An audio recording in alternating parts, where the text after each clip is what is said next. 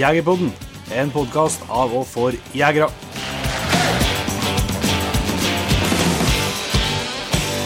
Hjertelig velkommen til en helt ny episode av Jegerpodden, og i tillegg første episode av sesong sju, Inge. Ja, det føles da godt. Hadde du trodd eh, i mai 2018 at vi skulle komme oss til sesong sju? Uh, nei. det har ikke jeg trodd. Jeg har ikke trodd vi skulle komme oss til sesong to engang. Det er artig å bli overraska. Ja, det er tøft, det. Men i tillegg så er jo en sikker eh, altså Det som jeg følger med med at det er en ny sesong og at det er en høstsesong, det er jo at det nærmer seg jakt òg. Yes, og det er jo det er enda artigere å starte opp da, gitt. Ja. Det er det. Så eh, i dag så er det jo eh, bukkjakt som er det store temaet. Kanskje ikke overraskende, det er jo rett rundt eh, hjørnet. Og dagens gjest heter for eh, Børge Vinje, og dere, eh, noen av i kanskje stifta bekjentskap med han eh, i eh, episode to av serien Ta med deg når vi var på rådyrjakt på Ytterøya. Mm. Da hadde vi oss eh, Børge der som eh, guide, og uh, trenger ikke å si så mye annet at jeg ble ekstremt imponert over uh, både lokalkunnskapene hans og, og, og ikke minst hvor mye kunnskap han hadde om, uh, om rådyrene utpå her òg. Så skjønte vel i grunnen da at vi måtte lage en buk- bukkeprat med han, gitt. Jeg var i hvert fall ikke noe mindre imponert etter praten med han heller. Maken til kunnskapsrik eh, 24-åring. Ja. Det Jeg tror ikke jeg, tror ikke jeg hjelper meg å bli 44 her, nei. Jeg tror ikke. Nei. Så det kan dere glede dere til. Men eh, det er jo en stund siden vi spilte inn podkast sist. Inge. Vi har jo fôret litt rundt. Vi har vært noe liveshow. Ja, det har det. Vi har vært vi har vært eh, ja, det, på Snåsa, blant annet. Mhm. Det var det siste. Det siste, og så var vi på Støren uh, før det. Så det kommer vel eh, ut etter hvert som podkast òg, men det var utrolig artig å, å treffe folk igjen og ha litt uh, publikum. og hadde med oss en Magnus som var i storform og spilte opp, og det var et, spesielt på, var artig på, på Støren og på Snåsa, så var det jo oppi ja, et par kilometer fra bilvei, men da så ble det noe fullsatt og en utrolig stemning, vil jeg si. Ja, det var mye stemning og fantastisk arena. da. Ja. For Jeg føler at dette passer oss veldig godt med utendørs og på seter. og Ja. Hønene får ikke klammes på scenen. og Ja, det er vi ikke vant til, for å si det sånn. så det, nei, det var artig. Og så eh, har det vært Hønene med to foter og vinger. Ja, det, det, det tror jeg folk skjønte. og så har det jo eh, gått uh, fort uh, ferien. eh, det er jo eh, Det er kanskje ikke så voldsomt interessant for eh, alle ihop, det, men jeg driver og flytter. Jeg skal gjøre namdaling av meg igjen og flytte til Røyrvik. Skal flytte nærmere jaktterrenget, rett og slett. Så, så det har du jo tatt opp eh, tid både dag og natt eh, siste tida, men eh, sånn ble det. Må jo prøve å Kan ikke flytte med til jakta. Det må gjøres ferdig før, gitt. Det er viktig å presisere at det ikke bare er du som flytter, da. Du ikke fort kasta ut. Nei da. Nei da. Jeg får med meg, får med meg både hunder kvinnfolk og gutt og hele opplegget. Så det, det er ikke noe dramatikk så det sett, nei. Nei, vi Jeg gleder meg til å få kollegaene hakket nærmere. jeg. Det. Det skal bli litt snedig. Det. Det er jo ikke det er jo flytte, Jeg gleder meg til å flytte en av Norges minste kommuner. Det er jo ikke, ikke alle som gjør det, men det kjennes rett ut for oss, og da skal det bli godt å komme, komme hjem igjen. Mm. Det blir bra.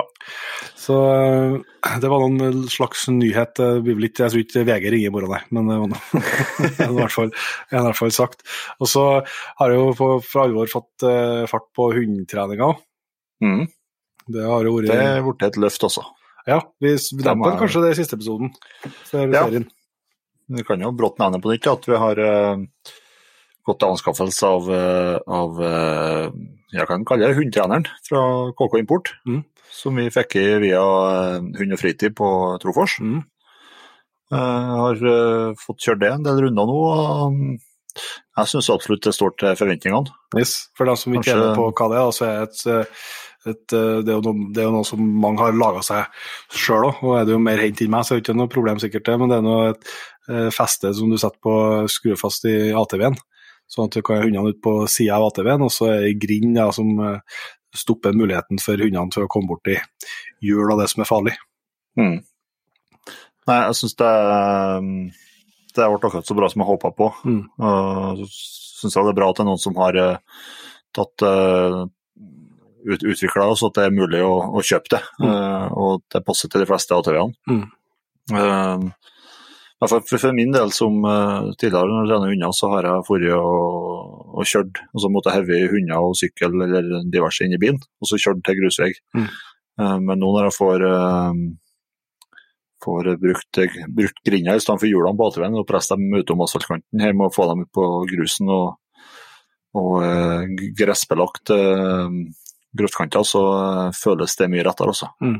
Ja, og så synes jeg jo Eh, at uh, først er også, i hvert fall som har vært i sommer uh, i Trøndelag, delvis så har det vært så varmt at du må holde på med hundetreninga på natta. Mm. Da er det, det er lettere å, å ty til firhjulingen enn å ut og sykle eller springe, altså. i hvert fall for, ja. hvert fall for meg. Og, og, så ser jeg jo det at du får en helt annen det er jo trenger selvsagt ikke ATV for å trene hund, ikke jeg sier, men jeg ser at du får et annet, annet trøkk på, på hundene. Du kan liksom ligge det er lett å styre dem i, den farta du vil ha ja. på treninga, og du klarer å, å holde det trøkket liksom gjennom hele turen. Imot når jeg får inn ja, kickpark kickbike eller sprunget, så, så blir ja. det liksom litt, uh, litt, mer rykk og napp, da. Mm. Og så har du jo mye mer kontroll, da. Og ja.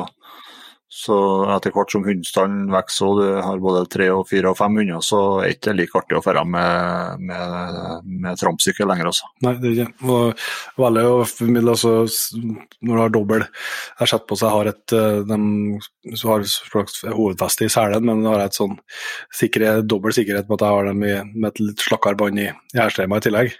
Ja, sånn funka bra, det. Ja, det funka som bare det. Ja. Og Det syns jeg er veldig behagelig, vi har mye, mye sau og greier rundt veiene. Så det er mm. artig og godt å kjenne at du, at du stoler på at dette går bra. Selv om det plutselig er en sau rett rundt svingen, liksom, så, så, får de ikke til å ferde med. Nei, altså, jeg husker først, første turen jeg kjørte. Da uh, fikk vi jo funnet fram alle de påkjørte harene som lå i grøfta. Ja.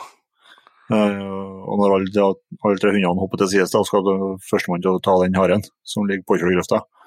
Og du kjenner bare at det, liksom, det nykker bare litt. Mm. Så vidt du kjenner at det nykker litt i firhjulingen kontra hvis du har sittet på, på en, sykkel. Mm. Så, så, så, er det kjekt, altså. Ja, det. Så, ja, det kan i hvert fall eh, Og det er jo sagt det er mulig å lage sjøl, men eh, hvis du har, har ATV og, og, litt hunder, så er det absolutt et det har vært et løft for min, i hvert fall. Så, så derfor uh, kan det være et slags, et slags tips.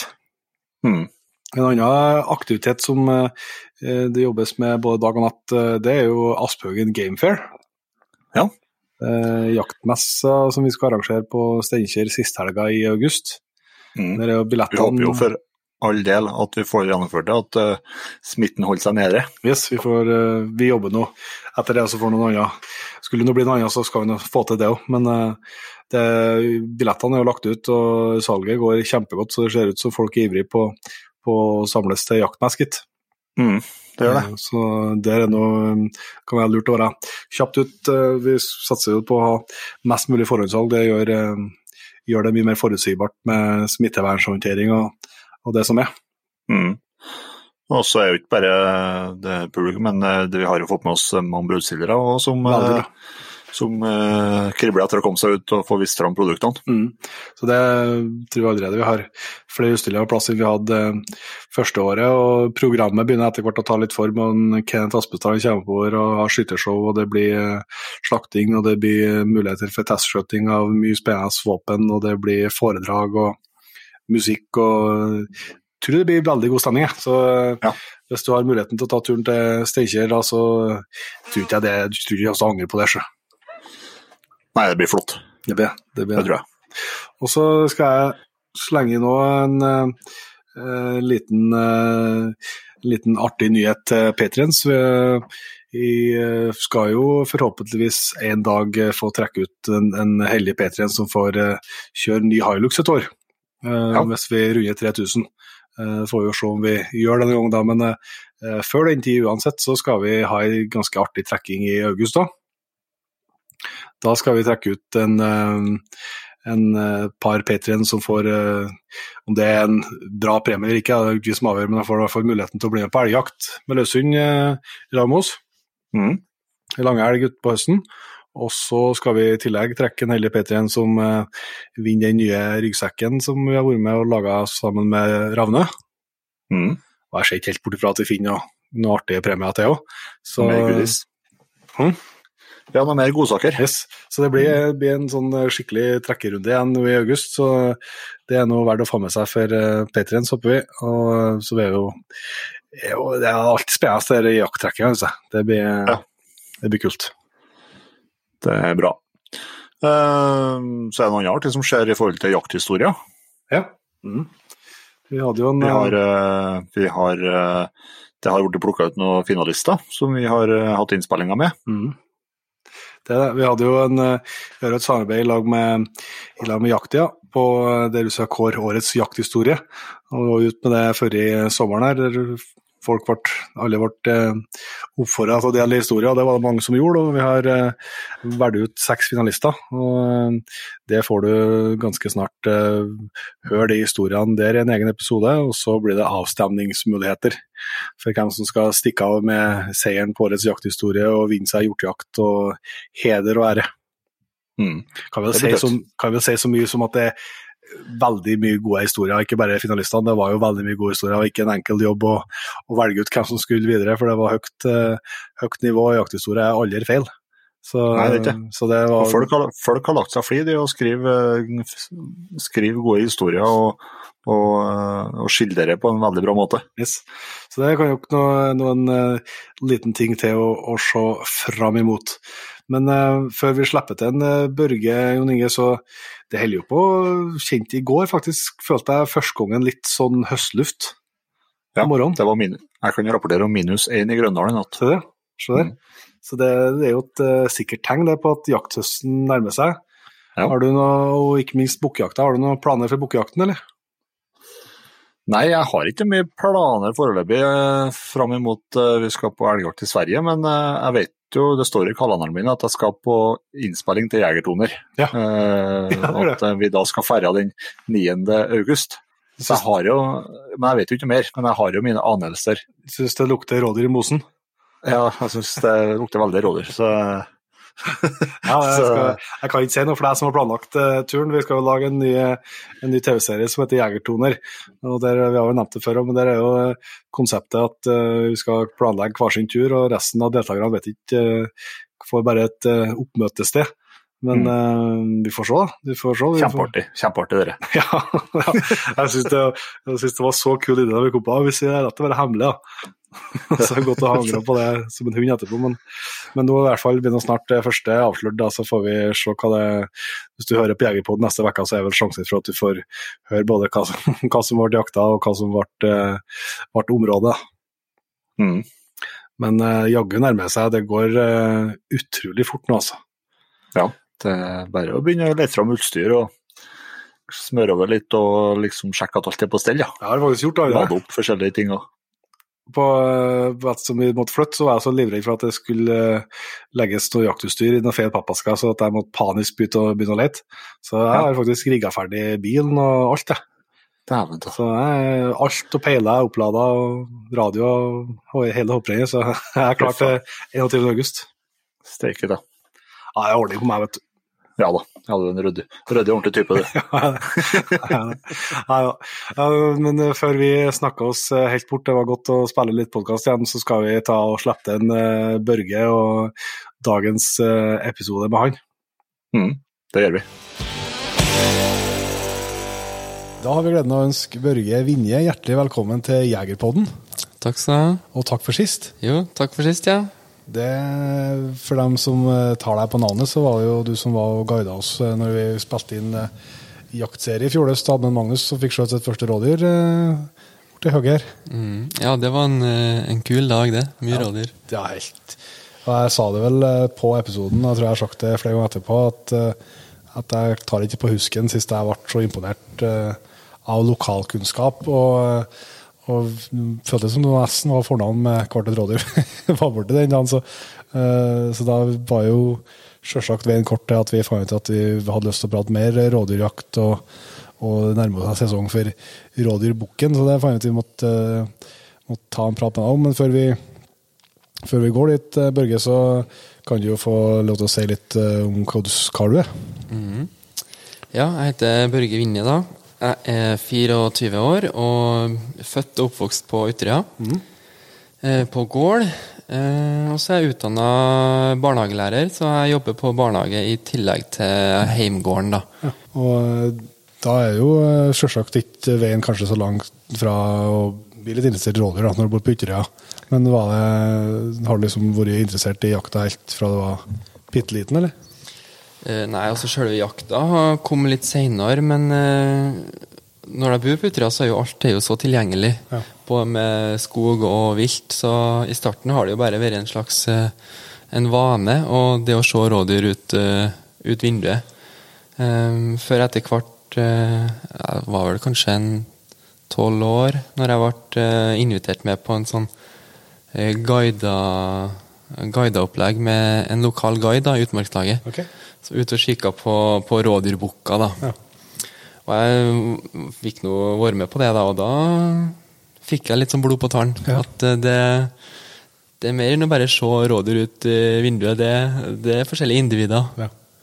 Så, så, da begynte interessen for selve viltet å komme. da. Den interessen for friluftsliv har, eh, den har alltid vært til stede. Da. Mm. Mm. Hvordan er det med jakta nå? Hva jakter du? Eh, nå så jakter jeg egentlig det meste. Eh, det jakter Starter med bukkjakta eh, i august, og så fortsetter det litt med både hjort og elg og småvilt. Og, mm. Så jeg jakter det meste, det jeg får til. Ja. her så har dere det rådyr og elg som er liksom jakt, jaktbare arter som du satser på på Ytterøya? her da? Ja, på Ytterøya så er det, det er jo rådyr, så klart. Og så har vi eh, en litt elg. Så, ja. så vi har et elglag ute så vi prøver å, å, få til noen elg i året. da. Ja. Og så hender det at vi har, får hjort, da. Men det er litt sånn sporvis. De eh, kommer innom, og så får de igjen. Ja. Men uh, det er skutt hjort på Ytterøya òg, men uh, det er ikke noe mange, nei. nei. Hvordan er det med småvilt da? Eh, vi har eh, skogsfugl, storfugl. Litt av, men ikke mye. Eh, og det er såpass lite at det er, blir vanskelig å jakte på det. Og så er det ikke lov til å slippe horn her. Så da går det på støkk på få fugl, mm. og da blir det litt vanskelig. Så må jeg til nabobygda over fjorden for å jakte skogsfugl. Så da tar jeg båten over. Mm. For, men det er ikke noe rev? Nei, ingen eh, predatorer. Eh, verken eh, mår eller rev eller noen ting. Så, og det er jo en faktor til at vi har så mye rådyr som vi har, Klart, og kan jakte så mye rådyr som vi kan. Ja. Mm. Men uh, det er jo litt uh, rart det er ingen som har lura en hare utpå her, da? Det har, har, vært forsøkt og gjort, faktisk, men det, det, det prosjektet feila. ja. Ja, for det er jo en del øyer rundt omkring der det er forholdsvis tett harebestand. Hvis de først ja. får hjelp til å svømme utover. Nei, vi, Den har vi sluppet unna, da. Ja. Det har vi. Ja, for det kan jo ta helt, eh, ta helt av òg. Ja, eh, og det har ikke vi så veldig lyst til å, å blande inn i, I, i, i, det vi har. Nei, Nei ser jeg. Så ligger jo en uh, hund bakom her og slapper av òg. Ja, har en svart elghund på ett og et halvt år. Mm. Som, som, er med litt på jakt, da, og en tur, så klart. Så han har jo debutert på elgjakta i fjor, og gikk på spor av Vet ikke helt hva han gikk på, men han var nå med. Ja.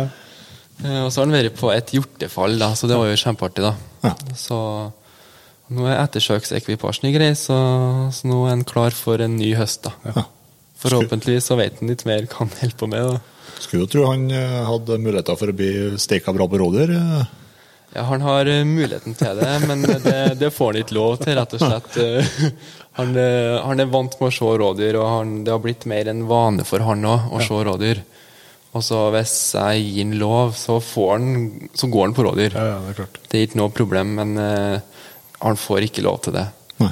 Men han får lov til å gå blodspor på rådyr, for da er det blodet som er i fokus, og det skjønner han veldig. Så jeg er veldig imponert over han. At han skjønner alt det her så tidlig. Ja. Så det er en helt fantastisk uh, hund og en hunderase, altså. Ja, tøft. Mm. Hvordan um, vi, Før vi føler at vi blir kjent med folk, så vil vi gjerne høre um, hva som finnes i våpenskapet. Mm. Nei, det er, det er rifla mi. Det er en Tikka 308. Mm -hmm. eh, med en ny eh, seiskikkert, da. Victory-serien. Og så har jeg hagl, Sabati-hagl, så det er enkelt og greit. Ja, det funker fjell, begge deler? Det, det funker, funker, mer enn nok, det. Så det er skutt både rådyr og elg og hjort med med rifla, så, og dyrene har nå ramla der. Ja. Så, så jeg er fornøyd. Det, ja. det, er ikke, det er nok ikke så mye vilt som spør hva jeg står på børsa, gitt. Nei, de er ikke så nøye på det, og det, det funker for meg òg, det. Ja, klart gjør det. Klart gjør det.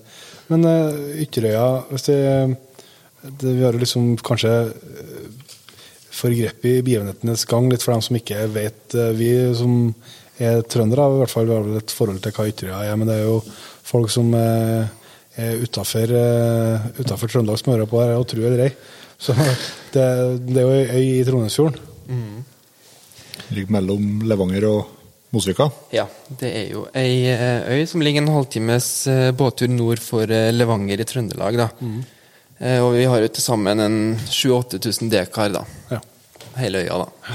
Så det er relativt lita øy, men med mye, mye rådyr. ja. Ja, også, Men det, det, er ikke egen kommune lenger? Nei, det er, hører til Levanger kommune. Mm. Mm. Men det er skole og Det er en del fastboende da? Det er mellom 500 og 600 fastboende. da. Ja. Så vi har både ungdomsskole og barneskole og barnehage og ja. alt som er. Alt som trengs. Alt som trengs. Ja.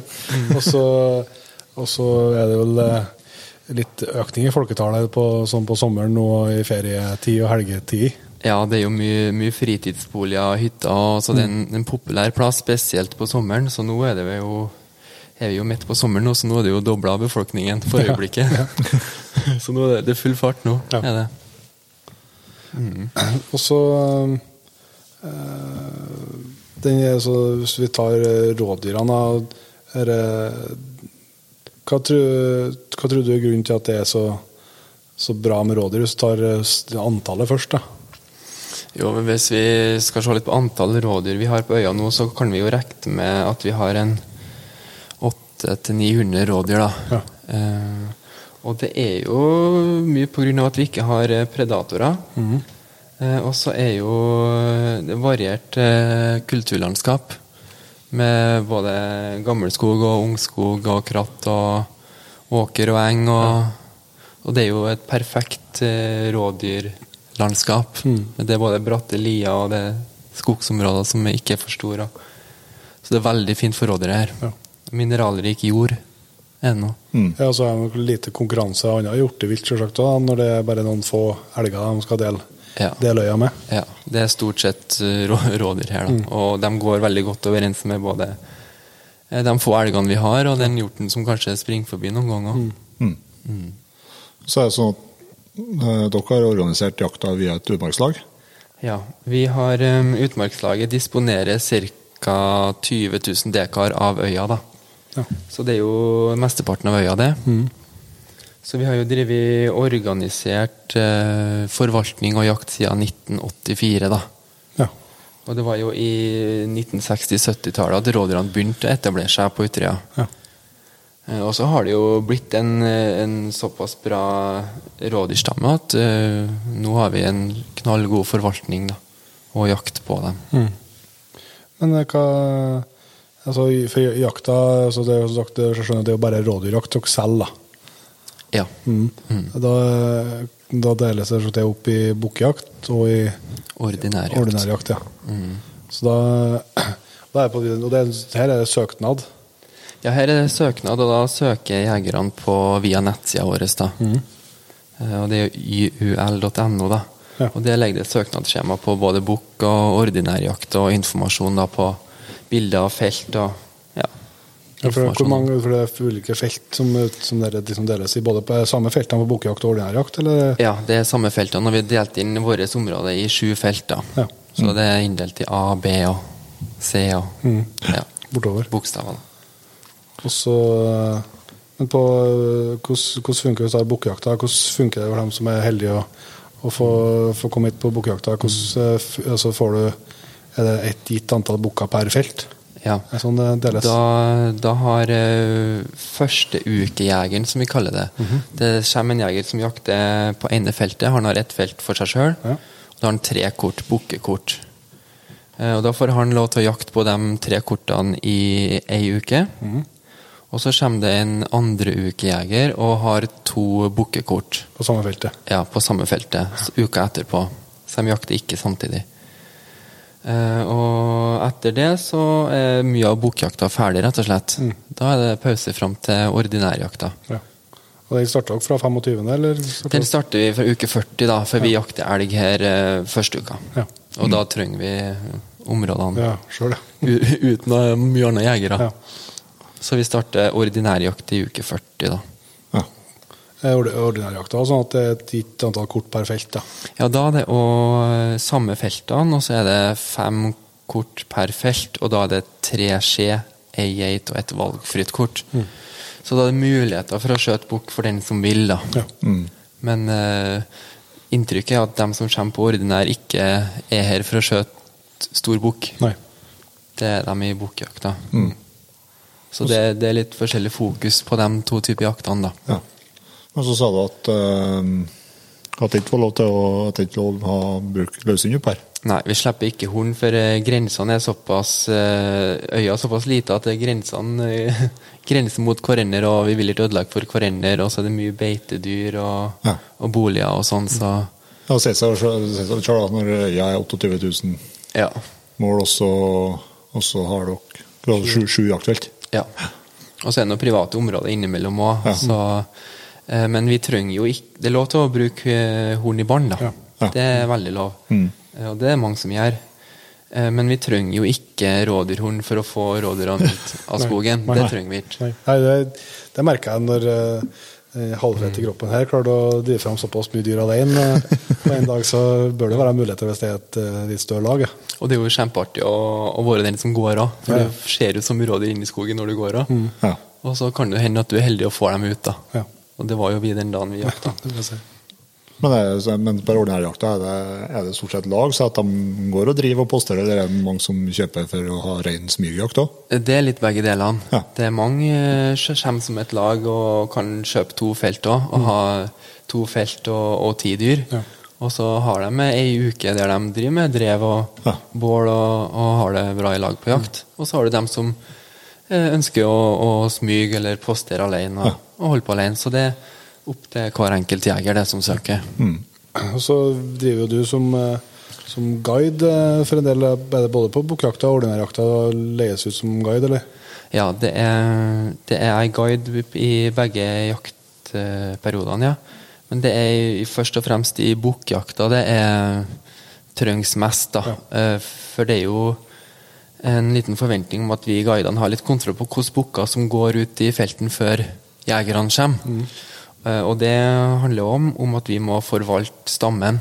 Ja. Vi må vite hvilke dyr som er, er ute i feltene, for at vi kan sette jakta, rett og slett. Klarer vi å selge det vi ønsker å selge, og det det står at vi skal selge? Og da må vi ut og, og bli kjent i, i feltene for bukkjakta. Og, og bukkjegeren har ei uke på seg for å få de bukkene han vil ha. Ja. Og da kan ikke du gå ut og ikke vite noen ting. For de, de er her for å skjøte de store bukkene vi har på feltet. Og Det er det da- de betaler for. det er det de betaler for, og da må vi ha kontroll på hva vi har ute i feltet. Så god kontroll som vi kan få, i hvert fall. Det er jo umulig å få å ha 100 kontroll. da. Ja. Det går ikke. Men har dere er det skutt i mange rådyr de siste, eh, sånn, sånn cirka de siste, siste årene? da? På utmarkslaget? Eh, utmarkslaget skyter eh, rundt 200 i året rådyr til sammen. Ja. Eh, og da ligger andelen på 25% bukk, 50% skje og 25 geit. ja. Mm. Så, så vi sparer mye bukk og, og geit. Mm. Det er dem vi trenger. ja. Ja, for det er jo ikke bra hvis kjønnsbalansen blir helt eh, på tur heller. Nei. Det er jo en av grunnene til at vi får eh, store booker, at vi kan ta unna dem, noen av de store som, som dukker opp. Ja. Eh, og så har du de middelbookene som eh, får muligheten til å gå videre. Ja. For vi har ikke flere kort, rett og slett, så da, da får de gå og bli store til neste år. Sant. Det er en av grunnene. Ja. Mm. Men hva, ditt, ditt inntrykk, da, hva, eh, hvor lang tid tar det? For Altså, hvor gamle er, hvor er bukkene på Ytterøya når de er på topp, syns du? Tror du? Eh, det er, det er, et veldig vanskelig spørsmål, for at eh, det er ikke noe fasit på det. Nei. Eh, men det er stor variasjon. Vi har jo bukker her som kan sette opp et gullgevir ved to års alder. Ja. Og, og, det er ganske spesielt. Ja. Og så har du òg bukker som ikke får gullgevir før de er seks år. Mm. Så det er kjempestor forskjell på det. Så det er veldig vanskelig å, å ha et svar på. Eh, men jeg kan jo ta det et, i et eksempel her. Ja. Jeg ble kjent med en bok i fjor. Eh, og da kom jeg opp på Det var et til Hoksfjelt. Og der står det en klasse 2-bok. Det er like før den blir bronse. Mm -hmm. Ganske sånn kort i gevira, litt kraftige og fine perlinger. da. Og så kommer jeg opp på samme reviret i, i år og har ned prikk lik. Ja. Ingen utvikling. Geviret maken. Ja. Og, og, det er veldig tydelig å se at det er samme bukken. Ja. Og så har du nabo, naboreviret. Der uh, kom det en, uh, en soleklar gullbukk fram. Og det var, I, år? I fjor. I fjor ja. mm -hmm. samme, på naboreviret. Ja. og han var mye større i geviret. Det sto til et gull, gullgevir. Ja. Men, eh, men boken var yngre. Ja. Det så du på, det så det på ansiktet, og et mye yngre uttrykk. Ja.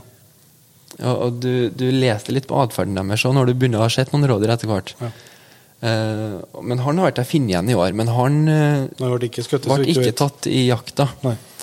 Men jeg var på det reviret så sent som i går kveld. Og da var det bare en liten ungbukk framme, og han uh, drev og sprang rundt på åkeren med tunga ut og var helt vill. Men eh, det er jo et tegn på at den store bukken han står inne i skogen han har full kontroll. Så han, jeg tror han er der, men eh, jeg er veldig spent på hvordan han er i år. For ja. han var gull i fjor som ja. ungbukk. Så, så hvordan han er i år, det, det, er jeg veldig spent på. Jeg gjør alt jeg kan for å finne den, men uh, desto gamlere de blir, desto vanskeligere blir det. Rett og slett. Men også når de blir når han blir så stor etterpå altså, noen, mangt annet blir så stor på så kort tid. Det er jo så, så, Vekta har mye å si på et, på et gullgevir. Ja, vekta på skallen har veldig mye å si, og vekta på geviret og helheten har veldig mye å si. Så skjøter du en ung bukk med et gevir som skal tilsi gull, så kan faktisk skallen være med å trekke ned for at den er så lett. Ja. Og det er nok en av grunnene til at vi ikke har, er på topplista på booka i Norge, mm. er for at skallen kommer ikke etter, rett og slett. Nei. Eh, men vi har jo òg store, gamle booker òg. For det er jo en liten fordel òg at um, de ungbukkene setter opp store gevir. For at da vil uh, bukkene som bruker lengre tid, de vil overleve jakta, for at da er det de med store gevir som ja. blir Som om de blir gamle Lettere å bli gammel sånn, ja. ja. ja. Og da kan de komme etter. Ja. Så vi hadde jo en stor returbok i fjor blant annet, som ble skutt i. Eh, og han var gammel og nesten ikke tenner igjen. Nei. Og det var Så vi, de blir gamle òg. Ja. Så det, det, alt det her gjør at det blir litt tilfeldig uttak med, med gevirstørrelse. Da. Mm. Ja. Har du noe peiling på altså Hvis du trekker fra jakta, hvor uh, mye tid bruker du ut i skog og mark eh, for å, å bli kjent med eller eh, både bukkene og rådyrene som du har litt kontroll på? Det, jeg tør egentlig ikke å regne på det, for det, det blir så mye. Men, eh, men, jeg bruker veldig mye tid ja. ut. og det er jo òg ikke bare pga. at jeg er guide, men at jeg syns det er veldig interessant å, å fordype seg litt i, rådyrbukken. Mm. og, og bli, bli, kjent med dem på forskjellige måter. Ja. Ja, for, eh, men hva er det liksom Når, start, når starter du, da? På, hvis du tar året fram til 10. Eh. august, når liksom starter du å, å begynne å sjekke? Du, Jeg starter som regel i mars. Ja. Eh, for at da begynner bastgeviret å nærme seg ferdigutvikla. Og, og, så er de, de har flokka seg veldig på den tida. Ja. Så at du kan se mye bukker på én plass. Ja, sånn, ja. Men det som er utfordringen på, i mars, er at de ikke har revir ennå. Så det var faktisk her nå eh, fant jeg igjen en bok som jeg så på en helt annen plass nå i mars. Ja. Fant jeg på et helt annet revir. Med, han har en sånn 90-grader på, på geviret som er veldig lett å kjenne igjen. Ja. Eh, så det var et sånt eksempel på at de vandrer veldig mye fra mars og fram til de setter revirene i ja. april-mai. Så kan de gå i lag, eh, men går de, så går de i lag både kje og, og geiter og bukker? Ja, da går de veldig sånn i flokk da, på, på, gode beiteområder. Kan du se mange rådyr i en flokk her, da? Du På et relativt, en relativt stor åker så har jeg telt opp til 40, ja. ja. men, men, da kommer de ned fra skogen, ikke sant? Sånn at uh, de flokker seg veldig, sånn at det går an å bli lurt på Oi, har vi tatt for lite rådyr ja. i høst? For her var det veldig mange. Mm. Men så, for, så, deler de seg ut når snøen smelter, så ja. kan du stå igjen med to rådyr på samme åkeren. Ja. Så det går an å bli lurt på det òg. Det klart det. Men jeg starter i mars, som regel, eh, og lokalisere store bastbukker. Mm. Og så kommer vi videre til april, og da begynner de å feie geviret. Ja, så de begynner med det i april? Ja, ja da begynner de i april, og, og da begynner de å gå revirgrensene sine. Eh, og så blir det en sånn liten sånn dødperiode i mai, for da er det kalving mm. på geita. Og da det, jeg har jeg inntrykk av at bukken han ligger inne i skogen og, og lader opp, rett og slett. Det er det som skal skje i, i brunsten. Ja. Og, så, og så kommer vi til juni Eh, slutten av juni, starten av juli, og det syns jeg er den fineste tida. Ja. For at da, da, er det lyst hele døgnet. Det er lyst om natta, og det er om natta. Det, det er da det skjer. Ja. Det er da du får lurt fram de store bukkene. Mm. Så jeg bruker mai- og juninatter nå ut, altså. Ja. På å lete rådyrbukk. Mm. Uh, for det er da de går revirene sine. I, mm. no, I juli, som er nå hovedbrunsten, da, da flyr de mye mer over i hverandre, for da er de så uh, inn da. Ja, ja. At da, da fer de mye mer. Ja.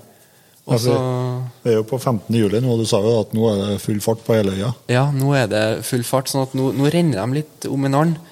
Grensene og sånt, nå går det litt etter hvor er den brunstige geita, rett og slett. Ja, ja. Så det at jeg bruker mye tid i juni, eh, er en fordel når vi kommer til august, for da går bokene tilbake til reviret sitt. Mm.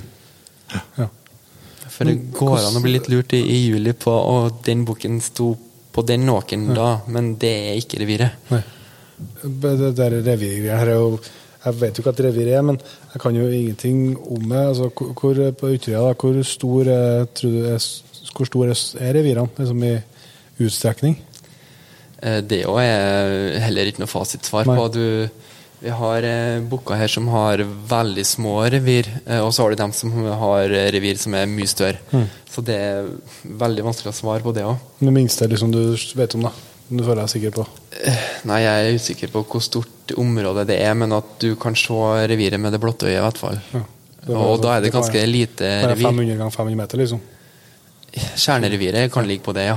Og så kan den strekke seg utafor det òg, men at da blir den strekket seg utafor, så har den ikke noe geiter lenger. Nei. Og så har du de bukkene som har eh, tidobbelt så stort revir, ikke sant. Ja. Men eh, her har det noe med at eh, det er så mye bukker at eh, noen, noen, revir må bli veldig, veldig ja. små. Ja. Men samtidig så er det viktig å få med at det er mye rådyrgeiter òg. Så det er, mm. trenger ikke å være en ulempe å ha et lite revir. For at geitene kan komme likevel. Mm. Men hvor mange geiter kan det være i et sånt revir, da? Det er jo veldig vanskelig, vanskelig å svare på, men, men, jeg kan jo ta et, et eksempel. Har, det er en bok jeg har fulgt nå i, i, fire år. Ja. Og han har veldig lite utvikling i geviret. Mm -hmm. så, så, han er ikke så attraktiv for uh, bokjegerne.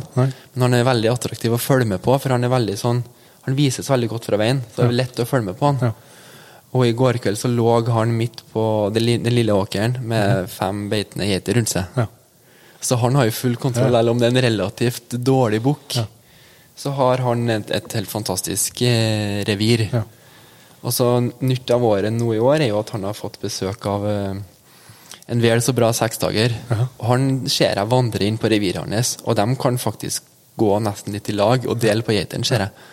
Og, og det, det, har ikke jeg sett før. Det er helt nytt. Ja. At to bukker kan dele på et revir. Ja.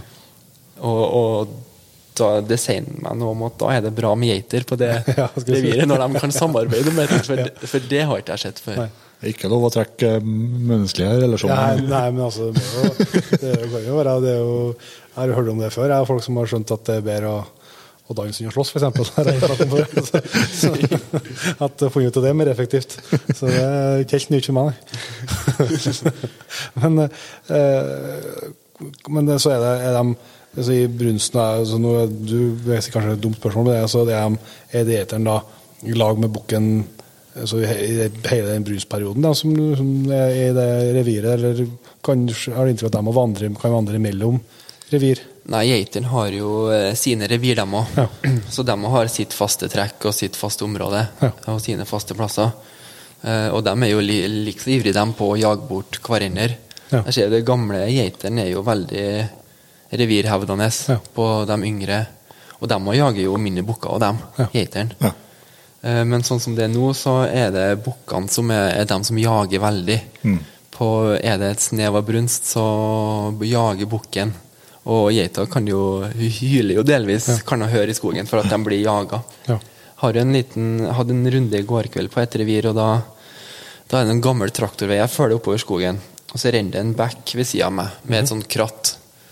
Og, og, inni der så hørte jeg at bukken jaga geita, for geita har sånn intense lyder når hun blir jaga over tid. Ja. Og, og, da ble de varig med, men de så meg ikke. Eh, og det jeg fant ut etter hvert, da var at geita hun fulgte meg inn i krattet hun, på vei oppover mens jeg gikk den traktorveien. Ja. Og bukken sprang, da. Så det virka nesten for meg som at hun søkte litt ly. da, dekning eh, med meg der. Så det var litt, Børge, Børge, ja. det var litt spesielt, for da hørte jeg at bukken for. Men geita hun, hun sto igjen inni krattet og, og fulgte meg, og helt til hun viste seg, og da ja. for hun. da. Ja. Så, så nå er det jo bukkene som er litt sånn plageånda her fram til de er litt teit på grøten? Ja, fram til geita har dagen sin, rett og slett. Fascinerende opplegg, altså. Men har de uh, Hender det at uh, to bukker kan bytte revir, liksom? Uh, ja, altså, det er Jeg har ført en bukk Nå blir det mye eksempel her, da. Jo, det er ikke noe som er likere. Men det er, det er, mine erfaringer, det her, da. Ja. Jeg ført en bukk i Ble kjent med en bukk nå for første gang i mai. Har ikke sett han før. Mest sannsynlig ikke. Og det er nok eh, mest sannsynlig en gullbok uh, i sin beste alder, egentlig. I Verken gammel eller ung. Nei. Og han hadde tydelig revir i mai. Ja. Og så viser det seg at uh, han forsvinner. Blir borte. Og så kommer det en annen bok der. En mindre en. Ja. Uh, og patruljerer det akkurat samme reviret. Og da begynner jeg å klø meg litt i hodet på hva det som har skjedd. Har han blitt påkjørt, eller har han mm. Ja hva som har skjedd. Eh, og så fant jeg igjen en to uker etterpå i, på et helt annet revir. Ja. Og da kan en jo tenke seg litt på hva som egentlig har skjedd, men eh, Kan han ha oppgradert? At han syntes det var finere oppå der? da? Ja, eller det, eller så har han blitt jaga vekk, rett og slett, av en, eh, en annen bukk. Men den har vært artig å se, da. Ja, så, den, så, det er jo et eksempel på at yngre Eller bukker med dårligere gevir kan jage vekk bukker med større gevir. Mm.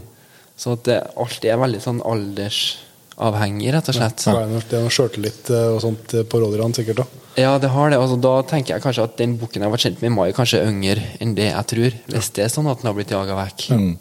Men det er veldig vanskelig å, å, å si, da. Ja. Men, det har han bytta revir. Ja. Men hvordan i all verden klarer du å ha sånn kontroll på revirene? Det er mye tid ute, rett og slett. Og så er det Mange revir er, kan man se delvis fra veien. Så du, du starter litt med det. Ja. Du ser en litt fra veien, og så må du ut i skogen og, og, og finne ut resten, rett og slett. Ja. Og så har du mye revir som Men, er Følger du dem, da? Eller, eh, Nei, altså Du kan gå se litt på kartet. At ja. uh, her ser jeg fra veien, uh, og så er det et skogsområde oppafor. Jeg må finne ut om den bukken går dit. Ja. Da går jeg dit, og så ser jeg samme bukken. Så ok, da strekker reviret seg dit. Eller ser jeg en annen revirhevdende bukk oppå der, så går reviret lenger ned, rett og slett. Ja, lenger ned. Uh, men her er jo veldig sånn stedsavhengig, for noen felt eh, krever at eh, jeg kun er på skogen og på ja. hogst for å følge med. Ja. Eh, og så noen kan man se litt fra veien, sånn at det er en kombinasjon, det her. Men det, har du inntrykk av at, eh, at uh, grensene altså, så si at uh, det, Du vet du har en gullbukk i år, da, som har et revir, og så blir den skutt i.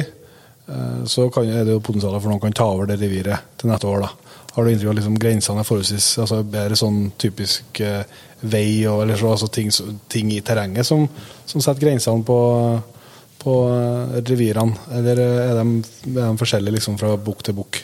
Hvordan vi bruker området, liksom?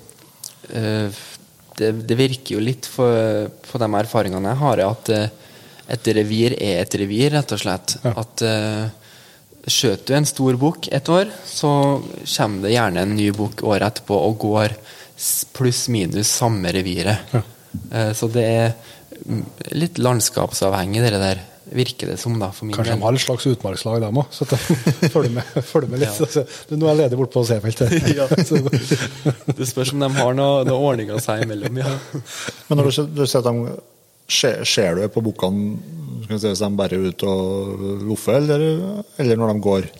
Når du ser at de tydelig går grensene, eller? Ja, øh, man må jo se noen rådyr og noen bukker for at du skal klare å se det på atferden deres. Mm. Uh, men uh, du ser det ganske mye på atferd og uttrykk på når det er revirbukk, for at han er, er så sjølsikker. Ja. Og det, det, bør jo helst være en ganske bra bukk, da. Mm. Eh, så hvis du ser en mindre bukk i området som beiter, så må du rett og slett følge med om, på atferd om er det her en revirbok, eller er det bare en liten bok som får gå ut på området og beite. Mm. Så man, man, må lese atferden på bukkene, rett og slett, og, og, og, så ser du jo om de feier, da. Ja. Eh, men det gjør jo små lisjbukkene òg, men eh, det blir på en annen måte. Ja. Små, men nå har jeg sett noen bukker opp igjennom, så, så jeg begynner å, å, se det litt ja. med det blotte øyet. da. Jeg vil jo tro at du med din alder på 24 år har sett uh, mange boker enn uh, mange jegerliv, jegerliv i Norge. jeg har nok sett mange bukker, men det er nok mange som har sett mye mer enn meg. Ja.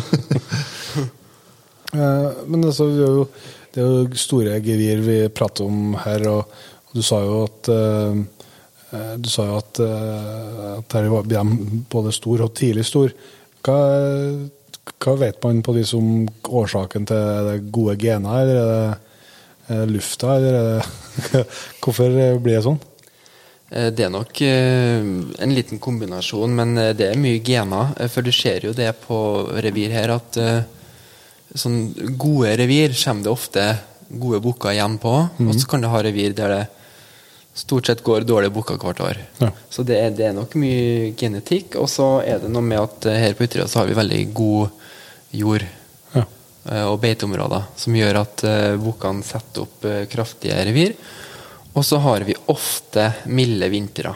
Som mm. gjør at uh, det er gode levevilkår ja. på vinteren òg. Må ikke bruke så mye energi på å overleve, nei. nei. Og det er jo da de setter opp reviret, geviret. Mm.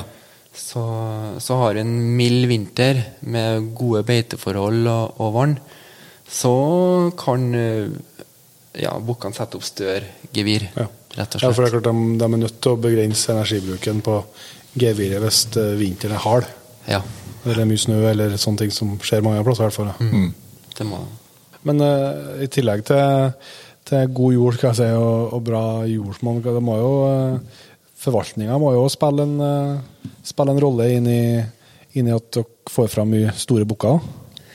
Eh, ja, det er nok uh, tre viktige moment i, i, det vi gjør på Ytterøya. Det er nok Det har mye med at vi har en konstant vurdering av bestandsstørrelse på, på vinterstammen. Ja.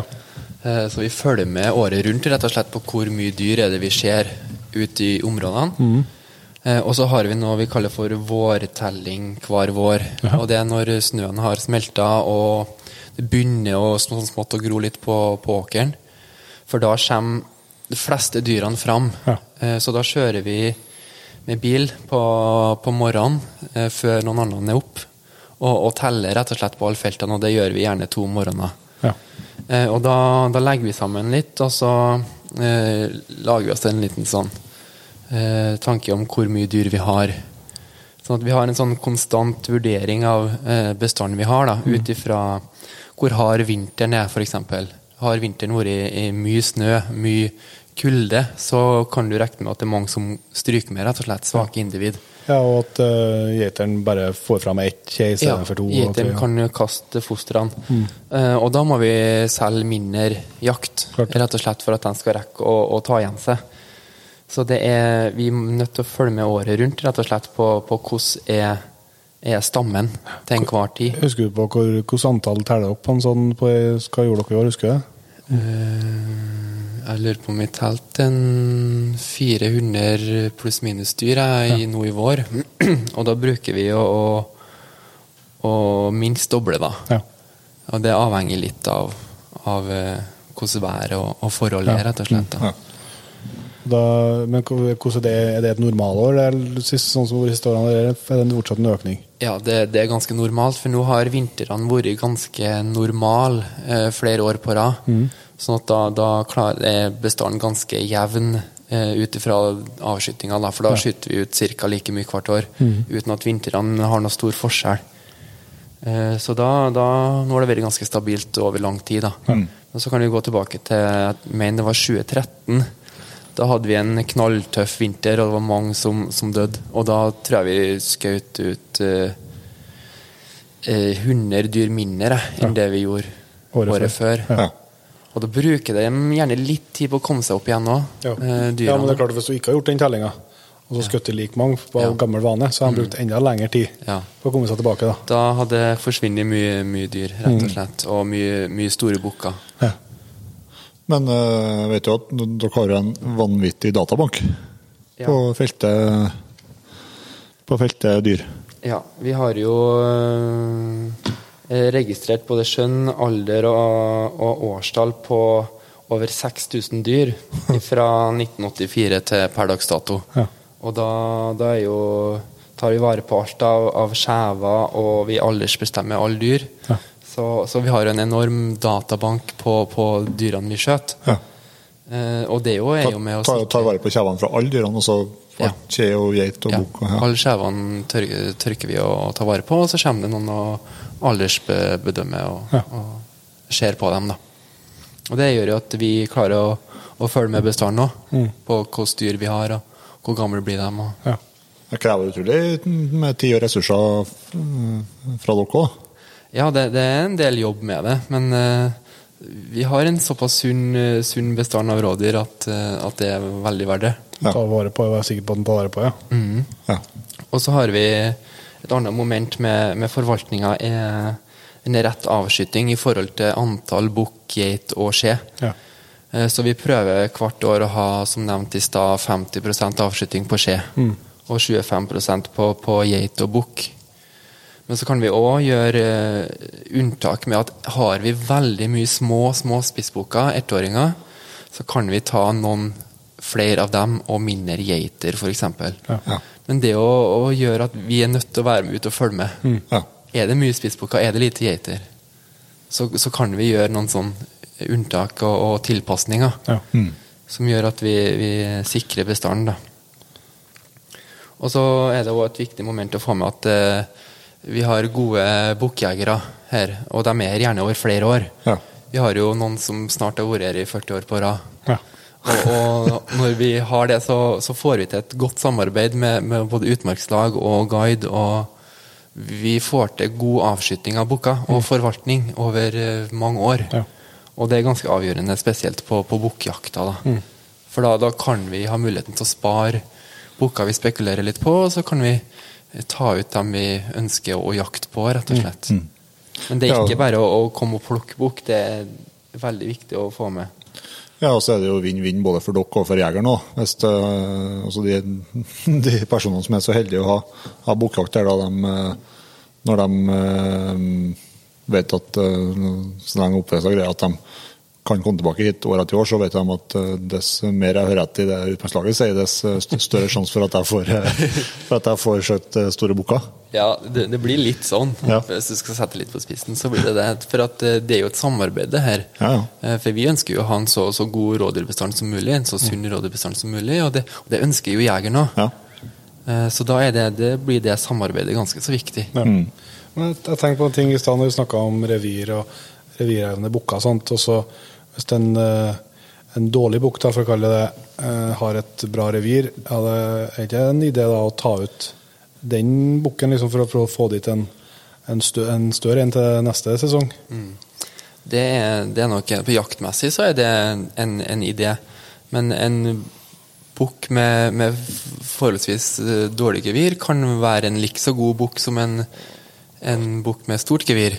For at han kan være stor i kroppen, han kan være frisk og rask Ja, og, og føre genene videre. Men uh, jaktmessig så hadde det vært en idé å, å tatt ut den bukken. Mm. Uh, men uh, bukkjegeren ønsker jo ikke å komme hit og skjøte en dårlig bukk når han har så få kort som han har. Mm. Så det blir en sånn vurderingssak vi må gjøre etter jakta. Ja. Ja.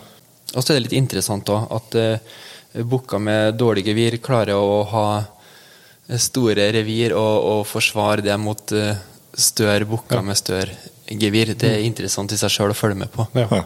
Klart det. Sånn jaktmessig, da, Børge. Det er, du sa jo nå at eh, brunsten er i full fart nå, liksom i midten på juli.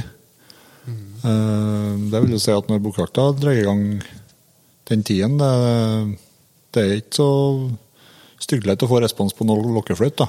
Nei, lokkefløyta det, det er egentlig bare å legge igjen hjemme. Ja. Egentlig, Med mindre du vil ha geiter på post. Okay.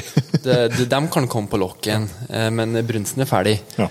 Eh, Så vi legger eh, anbefaler ikke å, å lokke i bukkjakta. Men det kan hende at noen har lyst til å prøve, men det er jo, det er jo helt greit. Og du Ja. kan, jo, kan jo være heldig å få en bukk på lokk.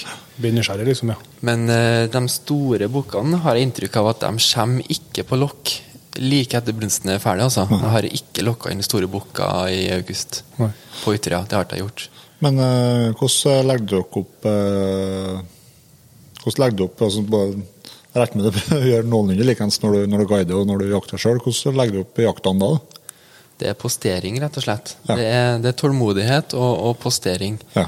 Og, men kjenner man reviret til bukken, så har man en viss anelse på hvor bukken kan komme, Ja. og hvor kan bukken gå. Så det er rett og slett å postere og sette seg ned og vente Ja. på at den kommer. Det er det som har vært fasitsvaret fram til nå, og det vil nok være fasitsvaret i år òg. Mm. hvor tidlig ut eh, anbefaler du jegerne her å være? Når bør de liksom komme seg på der de har tenkt å sette og, og postere?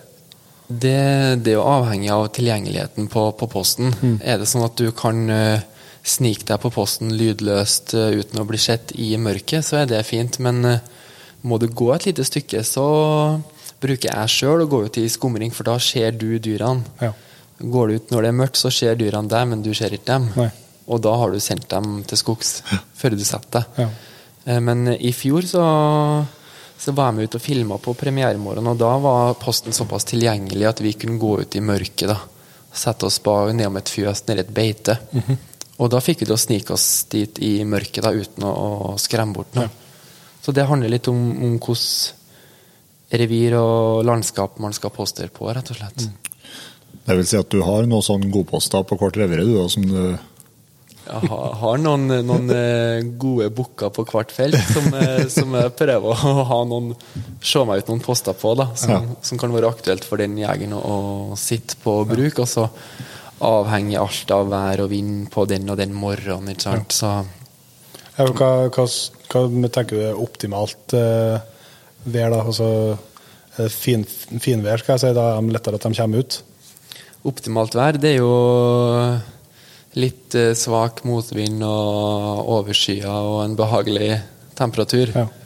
Har vi, vi hadde jo et år der det var så varmt. Det var nærmere 30 grader vet du, i hele vekka. Og dyrene lå inni i skogen. Ja. Ja. Kom ikke fram. Nei. Så det er jo, da vil vi heller ha regn, altså. Ja. Da kommer det mer fram, da. Ja. Men prioriterer dere å postere på mest mulig på, på innmark, eller? Det er jo avhengig veldig av hvilken bok man er ute etter, men eh, det er det som er lettest tilgjengelig, da. Ja. Og så det krever minst sniking og bråk. Mm.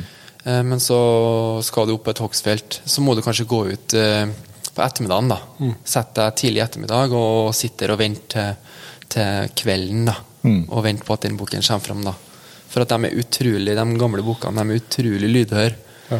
Så det, vi går jo ofte i ullsokker på post. sant? Setter igjen skoene med bilen, og så går vi i ull, ullsokker og fleeceklær opp til post, og så setter vi oss, og så Ja. venter vi på at den kommer.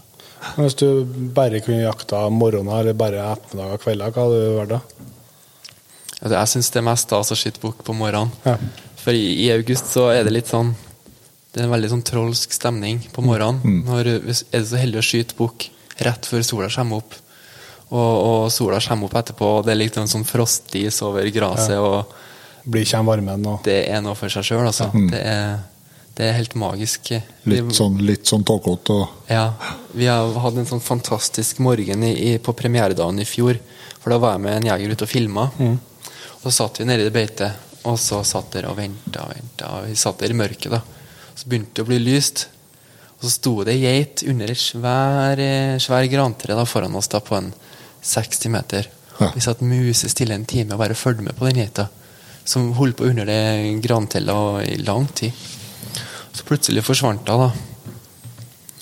Og jeg tenkte nei, nå ble det rolig. Plutselig vet du, så står bukken der. Ja. Som troll i eske. Plutselig står han der. På en 150 meter i, i skogkanten. da Står der bare. Har ikke sett den komme eller noen ting, og det var helt det var en ganske magisk følelse. Og det var, hadde dogga litt på kikkerten, og da var det begynne å pusse og så følge med. Og, og, så fikk vi skutt den til slutt. Ja. Bukken datt, og, og, sola kom rett etterpå. Og det var sånn morgendis over gresset, og det var helt, eh, helt magisk, ja. rett og slett. Den eh, bukken visste av fra før, eller? Den bukken hadde jeg en mistanke av fra før, men ja. hadde ikke noe sånn full kontroll på han. Nei. For at vi satt i et sånt eh, eh på grensa med et annet revir. Okay. Så det litt sånn hip som happ på hvilken bukk som kun kom. Ja. Men vi visste at begge var store. Ja. Eh, men hvor stor visste ikke vi helt. Så, men det resulterte i en bronsebukk, akkurat den. da. Men eh, der var det opplevelsen som var størst, ja. Som var størst, rett og slett. Så det var, nei, det var helt magisk. ja. Attpåtil til premieremorgen. Ja, ja, ja, så er det jo Jeg har ikke eh, guida like som deg, men jeg har jo guida litt. Og det er jo noe mye kjenner på at det, det, du føler at sånn, du skal jo liksom levere, og det er jo litt sånn det er artig, det òg. Ja, det er knallartig. Også, og dere fikk jeg på film i tillegg. Ja. Så, og dere var en sånn opplevelse. Det, bare det å guide en jeger til en stor bok mm. som du har fulgt med ja, ja. gjennom et halvt år. Ja. Og det at jegeren lykkes med å skyte den bukken, da kjenner du at du lykkes litt sjøl òg, som guide. Uh, og så får jeg studert bukken ordentlig. Og, og, få litt fasit på alder òg. Uh, så da kan jeg gjøre meg opp litt erfaringer sjøl på mm. hva tror jeg på forhånd, og, og, og hva, hva ble det til slutt. Hvor, hvor, lenge blir de i, i revirene her, da? Så hvor lenge forholder de seg til de uh, bukkene? Um, det, det, virker litt sånn for min del at uh, sånn som jeg tolker det, at de har et sånt kjernerevir i mai-juni, og så har de samme reviret i juli, i brunsten, men at det, det flyr mer rundt. Og så går de litt tilbake igjen til kjernereviret i, i, august. I tillegg til at de er mye sjeldnere fram. Det er vanskeligere å få tak i dem og se dem, for at mm. brunsten er ferdig. og og hva skal de fram på? De har ja. mye mat i skogen ennå. Ja, og så er de kanskje sliten og stive og støle. ja, det, det, kan de òg være. Og, og, så, og, det er jo en grunn til at de store bokene blir store. Ja. De, de, forsvinner de 9. august, for de vet at i morgen starter bokjakta. ikke sant? Da er de borte. Ja. Og så kommer de igjen til april. Og Det er utrolig fascinerende. Og så har du de store bokene som, som dukker opp i bokjakta, som du ikke har sett før. Ja. Så, så, det går begge veiene, rett og slett. Jo, det var litt irriterende, eller? Litt irriterende, men, men også veldig fascinerende. Jeg velger å se på det sånn, egentlig. Skjønner. Hadde jo Tre år siden nå så var det et, et område jeg hadde brukt mye tid på. Mm. Og fotografert det som viste seg å være en sølvbukk, for den ble skutt. Ja. Og, og, på vei ned fra det reviret så skjøt den jegeren en kjempestor gullbukk. Og jeg har gått opp og ned den bratte lia mange ganger i løpet av sommeren og ikke sett den. Så, og, og det er jo, men det syns jeg er veldig artig, da. Ja, at, at, de dukker opp lell om jeg er der. Ja. For det sen, de har, har sikkert sett meg så mange ganger. Han, ja. han visste hvem jeg var, han. Men jeg hadde jo ikke sett han før. Så, så, det er jo fascinerende i seg sjøl. Så han skjøt sølvbukk og gullbukk ja. på så Nesten samme plass. Det er jo, ble naborevirene, det, da. Ja. Så han tok med seg de bukkene ned, han. Fra det, den høgda. På samme økta? Det var vel fordelt på to økter, dere. Ja. En morgensøkt og en, en kveldsøkt. Ah, ja. så, det, så det var lov å ta seg en pils på kaien. ja, og det var, var nok litt flaks òg, men, uh, men, det må en jo ha. Ja, ja, klart, flaks, klart det. Men den uh, smygjakta, driver dere så mye, mye, på det? Ja, det, det blir veldig fort aktuelt det, hvis mm. bukken kommer fram på f.eks. på lang avstand, ja. og du sitter på en helt annen plass. Så er det jo å begynne å manøvrere seg etter vær og vind og, og terreng. Ja. Dere, eh. dere har aldri smyget for å finne, finne bukken? Jo, det, det kan òg skje på Har du god vind i bukkjakta på en morgen f.eks., så kan det være like interessant å smyge gjennom et område. Ja. For, for, å se, Det er jo litt etter hva, hva jegeren sjøl vil. Ja. Vil han jakte smyg, så er det kjempeideelt i, i fin vind. Og, eller vil den postere på den eksakte bukken, ja. så er det en fordel å sitte mer i ro. For går du mer i terrenget, så er det jo større sjanse for å, å skremme òg. Så det, det, er noe viktig å få med seg det at mm. skal du jakte på en eksakt bukk, så er det en fordel å ikke lage for mye rørelser. Mm. Så det, det er jo avhengig veldig. Klart det. Men hva, av de bukkene du vet om nå, hvem av dem er det du har hatt kontroll på lengst? Eller hvor lenge rett og slett har du hatt kontakt med den du har kjenner best? Det er, det er den uh, bukken som jeg har følt fjerde året på rad nå, ja. han som er ganske dårlig i geviret. Ja. Lite attraktiv for jegerne, men likevel attraktiv for rådyrgeiteren. Ja. Så han, han, har jeg fulgt nå i fire år. Eh, og så har jeg noen jeg har fulgt i, i, to år nå, da. Som jeg tenker at eh, de er verdt å følge med på videre. Mm. For det er jo noen som bruker kanskje to år på å sette opp et likens gevir, og så tredje året så kan det eksplodere igjen ja. og bli et stort et. Ja. Eh, så det, det, er noe med å, å følge med bukkene over flere år som er utrolig interessant. Mm. For det er så store individforskjeller. Ja på dem. Så det, så det bare hvordan, så, når, du, når, du, har sett dem, fulgt med dem så lenge og sett dem så mange så, hvordan er det liksom, når de blir skutt? Det er ikke litt trist, da? Det, det er litt, uh, litt, rart, men uh, samtidig så er det litt derfor jeg guider òg. For, ja, ja, for, å få, få, dem på Kan ta til geviret og se på skjeven, hvor, hvor gammel kan den være, og, og få den bedømminga på den. Og, og, ja, den boken her er 44 år. Nå har jeg den i handa som et resultat. Nå kan jeg holde inn ja. og, og, få fasiten på boken. Ja.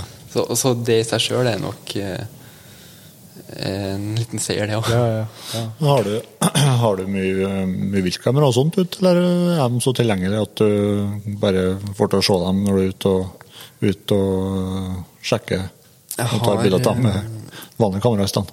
Jeg har eh, noen viltkamera, men det er lite. Ja. Jeg har, eh, har, et eh, brukbart fotokamera med bra zoom, som jeg bruker en del til sånn observasjonskamera, som jeg, ja. som jeg liker å kalle det. Så kan jeg være heldig å få noen fine bilder av. Men jeg har noen Ganske ofte, vil jeg si. Ja, Hender at det blir noen bra bilder òg. og så har jeg noen viltkamera ute på områder der det krever at jeg må gå over lang tid for å komme fram. Ja. For det har såpass mye areal og såpass mange bukker å følge med at noen plasser må jeg ha litt hjelpemiddel. Så jeg har vel en Til sammen har jeg tre viltkamera ute, bare. Ja. Ja, det er eh, og så har bukkjegerne sjøl lov til å komme med tre kamera per felt. Ja. Mm. Eh, så hvis de ønsker det, så kan jeg sette ut og flytte på plasseringene og følge med for dem. Ja. For det er jo en vinn-vinn for meg. Klart det. Da får jeg med meg litt mm. hvilken bok som er der, uten at jeg trenger å besøke området for mye. Da kan mm. jeg bruke energien på annet revir. Ja. Mm. Men du sa altså de setter gevir tidlig, og, og brunsten er tidlig. og Når, når feller de geviret på her? Um, de kan felle alltid fra august til desember, altså. Ja. Jeg hadde jo Det er noen år siden nå, men uh, da var det det vi antok var en gullbukk. Da var et stort gevir. Stor sekstager, kraftig og, og kjempefin. Så så vi den kvelden 9. august. Den der har vi nå i morgen tidlig. For nå går den i den jordkanten her. Så vi setter oss på hogstfeltet overfor, og så kommer den på morgenen.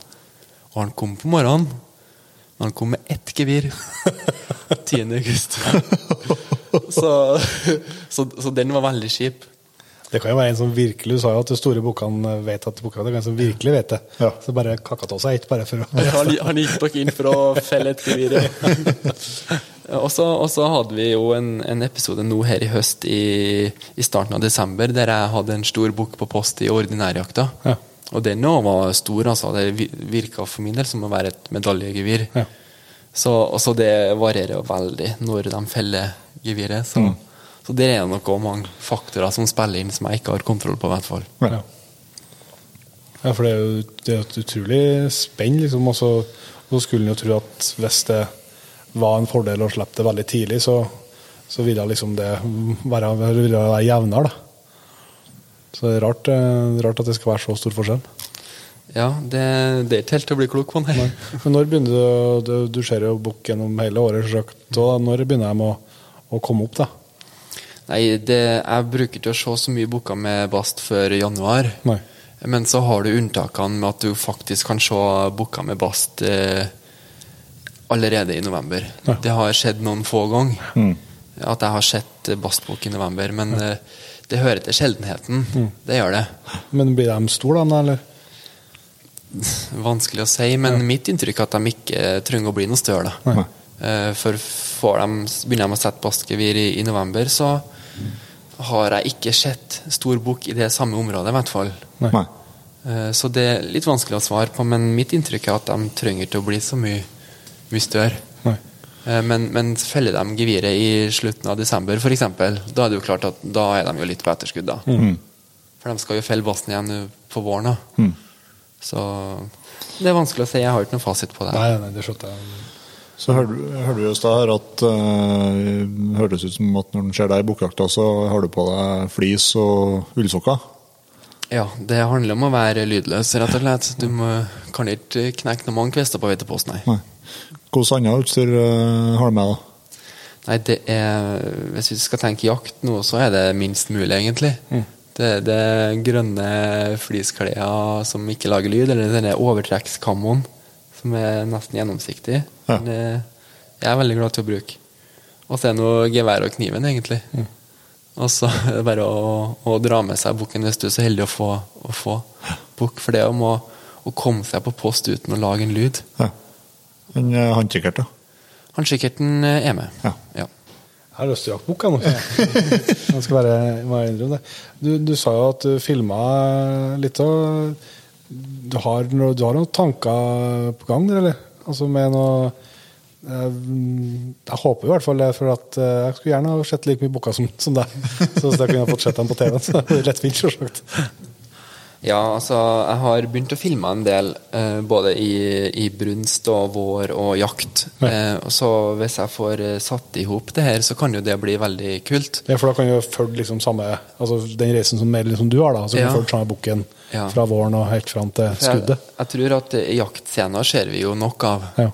Men det som uh, mange ikke tenker over, er at det ofte ligger en enorm jobb bak. Mm eh, ja. før bukken er skutt, rett og slett. Mm. Det kan hende at jeg har brukt eh, fire år på den. Ja. Og så kommer jegeren der og skjøter den, ikke sant? Og så, ja, så, så det må, har eh, litt lyst til å, å, formidle de opplevelsene du får med, med rådyr før, før, skuddet blir avfyrt òg. Ja. Sånn at du får med helheten. Eh, så jeg har en sånn driver og tenker litt på hvordan skal jeg utnytte, utnytte det her.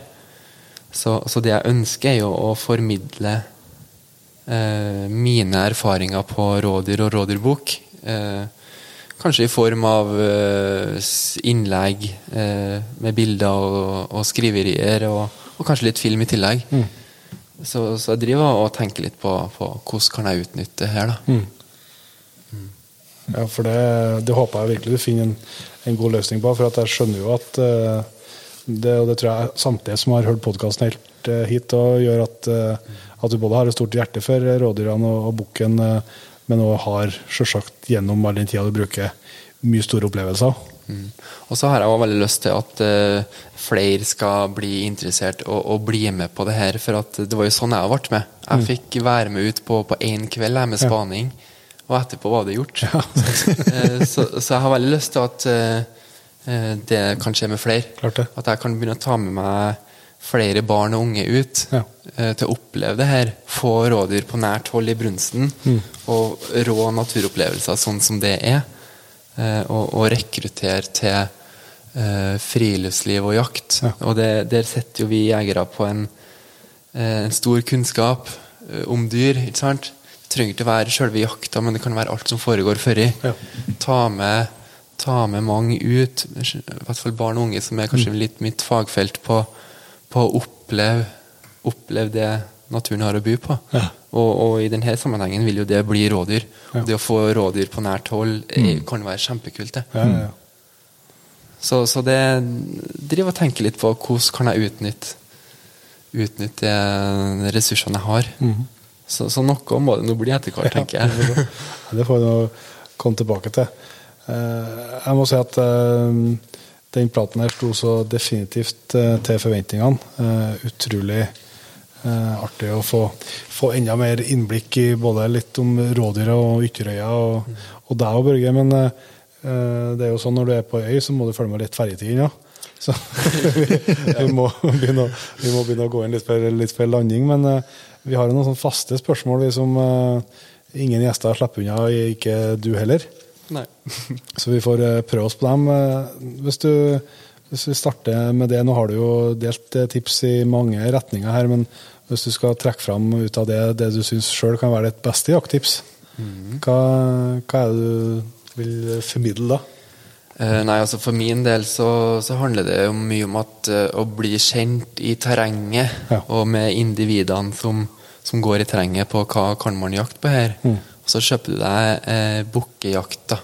Så hvis man har muligheten, så er det jo kjempeverdifullt å bruke litt tid i forkant. Ja. Bli kjent med området. Hvor kan man postere? Mm. Hvilket individ er det som, som, egentlig går her på mm. jaktterrenget mitt? Mm. Så hvis en har muligheten, og det å bruke litt tid i forkant på jaktterrenget. Mm. Det tror jeg har mye å si da, ja. før, uh, før, morgenen du skal ut. Sant. For Går du ut og ikke, ikke vet så mye, så, så blir det mye vanskeligere. Eller hvis man ikke har muligheten til å bli kjent i terrenget sjøl, så snakk med noen lokale. Mm. Hvor ser dere rådyr hen? Og, og, hvor eh, har de kommet ut fra når dere ser dem? ikke sant? Ja. Så det å, å, bli litt kjent med, på forskjellige måter i terrenget, det, det tror jeg er et godt tips. Ja. Kjempebra. Um, du sa jo at du tok med deg minst mulig utstyr eh, ut, da. Men uh, vi må spørre likevel om det er noe jaktutstyr eller uh, ja, et eller annet som, som, du, som, du, er ekstra godt fornøyd med, som du vil anbefale videre? Ja. Hvis vi skal koble litt opp mot bukkjakta nå, da, som er veldig tema, så er det lydløse flisklær, egentlig. Mm. Eller så, så, lite som mulig etter hvor, hvor varmt og kaldt det er. Mm. Så for min del så er det lydløse klær, rett og slett, nesten uansett om det regner. Ja. Hvorfor velger du flis framom eh, ull? Nei, det har, det har egentlig Ull 10. august, så jeg hører jo at det er ikke Ja, altså ull har du som regel litt innerst på kroppen og kan bli litt klamt og, og sånn, så Jeg vil ikke geni igjen vet så, så det jeg har brukt, det, det er grønn flis, rett og slett, og ja. kanskje en sånn tynn tynn kamodrakt utapå, sånn løvkammodrakt. Det, det, har jeg blitt veldig glad til til bokjakta. Uansett om det regner, da. Du må tåle å bli litt bløt, tenker jeg. Ja, og jeg også er jo fortsatt sånn at det, du, det er jo ikke det er jo ikke tre grader og regn. Nei, altså, og Sitter du der i jervenduken, f.eks., så, så høres det veldig godt. Mm. Så, og den, når bukken da tenker seg ut, den gamle bukken som har full kontroll, mm. hører en lyd som hun ikke har hørt før, da kommer den ikke fram. vet du. Nei. Det er også ene, også det ene er lyden du sier fra deg, og så er det jo at du tar bort en så viktig sans for deg sjøl òg. Ja. Med at du sitter, i klærne som, mm. som bråker. Ja, og regner det altfor mye, så er det ikke sikkert du sitter ut heller. Så, men regner det litt sånn at du blir litt bløt, så går det bra. Ja. Så, så, det jeg har med meg på bukkjakt, det, det, er grønne, grønne, lydløse klær, rett og slett. Ja. Og med, når du sitter på, på da, og, og, og, venter, så det, går, det, er ikke mulig å sitte så stille at du får til å ikke la lyd av en jerven du, f.eks. Nei, det er ikke det. Så, så jeg er blitt veldig sånn avhengig av det, det lydløse, rett og slett, ja, i, i bukkjakta. da. Mm så, så, er det litt annet behov senere på høsten på, på annen type jakt igjen. Ja. Da, da, du, da, må du ha litt regntett, ja. litt varmere. Ja, det er klart det. Men eh, jaktdrøm da, Børge? Har du noe stor jaktdrøm i livet? Ja, altså jeg har jo flere jaktdrømmer. Ja. Men, eh, men, kanskje det som lyser seg ut litt for min del nå altså, For min del så må jeg innrømme at eh, elgjakta er, står høyt i sentrum til meg. Mm. Eh, på sida av bukkjakta, så klart. Eh, og ettersom jeg har kjøpt meg elgurn, så har jeg en drøm om å, å felle en elgokse for han. Ja. eh, i samarbeid med han, det, det har jeg veldig lyst til å oppleve. Det skjønner jeg. Det, det samarbeidet med hund og, og, og felle en elgokse, det har vært det har vært stort, da. Yes, ja, det så, så, det har jeg veldig lyst til å oppleve. Da. Mm. Det har jeg. Det skjønner jeg. Det skjer, det, vet. Ja, vi får, vi får tro det. Krysse fingrene. vi har jo fått utrolig mye gode, både gode historier og eksempler gjennom praten her, eh, Børge. Men eh, vi ønsker jo alltid å runde av med jakthistorie. Mm. Har du tenkt ut det på, du har, som du har på luringen? Ja, jeg har tenkt ut, uh, tenkt ut en det blir en dag det her, da, ja. den historien her. For at uh, sånn en, den dagen var en sånn helhetlig stor opplevelse, rett og slett. Ja. Uh, for det skal ikke så langt tilbake. Det var i fjor, faktisk. På, på dag tre i bukkjakta. Uh, og vi begynte å Har ikke sovet så mye. Vi er ute dag og natt og, og posterer. Og jeg var med ut og filma litt. Mm. I tillegg til at jeg hadde jaktterreng i, i Mosvika, naboterrenget. Eller nabobygda. da ja. Eh, så vi starta klokka tre om natta. Da hadde jeg sovet i to timer ca. og, og, da kjørte jeg til han jeg skulle være med ut og filme. Ja. Og, og, vi gikk ut på, på, post, og så i skumringa så at det var geit fram. Og vi satte oss på post, og, og plutselig så reiser det seg en bukk. Og det var den vi var ute etter, da. For ja. den var litt sånn eh, spesiell. Han hadde liksom en sånn lita fjøl på, på geviret. Ja. Og så litt, litt som et sånn miniatyr eh, elggevir, egentlig. Ja. Plutselig reiser han seg, og så forsvinner han bak noen kratt. Og så plutselig så kommer han ut på andre sida igjen. Og, og, så lykkes den jegeren med å, å felle den bukken. Og det var liksom en, det, var, det var starten av dagen. Ja. Da, da så kom sola opp, og, og vi for og spiste frokost med bukken på plenen. Og, og, så sånn starta dagen, og så tenkte jeg nei, vet du, jeg kan ikke legge meg nå. Selv om jeg kanskje burde gjort det. Så jeg tok eh, For jeg hadde spara bukkekortet mitt ut i Mosvika. Så tok jeg båten over fjorden. Mm. Det er jo bare en fem minutter med båt, ikke sant? Ja. Radi. Og så og lånte jeg en bil på den sida, og så kjørte jeg ut i terrenget mitt. Eh, og så hadde jeg med meg lokkefløyta eh, for å prøve å lokke litt eh, i området der, for jeg var litt usikker på om kommer de på lokk uti her. Mm. Jeg sneik meg litt ut på hogstfelt og hadde gått litt i terrenget på forhånd, så jeg visste litt hvordan det var. Lokka litt og sneik litt. Og, og hadde både elg og rådyrgeit på post. Mm. Men den bukken kom aldri noe bukk. Og så tenkte jeg nei, jeg skal prøve et hogstfelt til før jeg drar hjem og blir med en ny jeger ut på, på kveldsposten. Ja. og så sniker jeg meg opp på, på en høyde på, på det hogstfeltet. Så står det ei rådyrgeit i, i skogkanten og beiter. Og så ser jeg fotene på et dyr inni skogen baki. Og det viser seg at det er en bukk. da. Ja. Eh, og så ser jeg at det er en grei bukk. Den her kan jeg faktisk prøve på. da. Ja. Og så blåste jeg to piper i lokkefløyta. Og bukken reagerte ikke noe på det, men geita reagerte litt på det. Så hun tok noen skritt ut på hogstfeltet mot meg. Mm. Uten at jeg helt visste hva gikk til, tror jeg. Eh, og det igjen gjør at bukken kommer ut i skogkanten. da. Så jeg fikk faktisk felt den boken, da. Ja.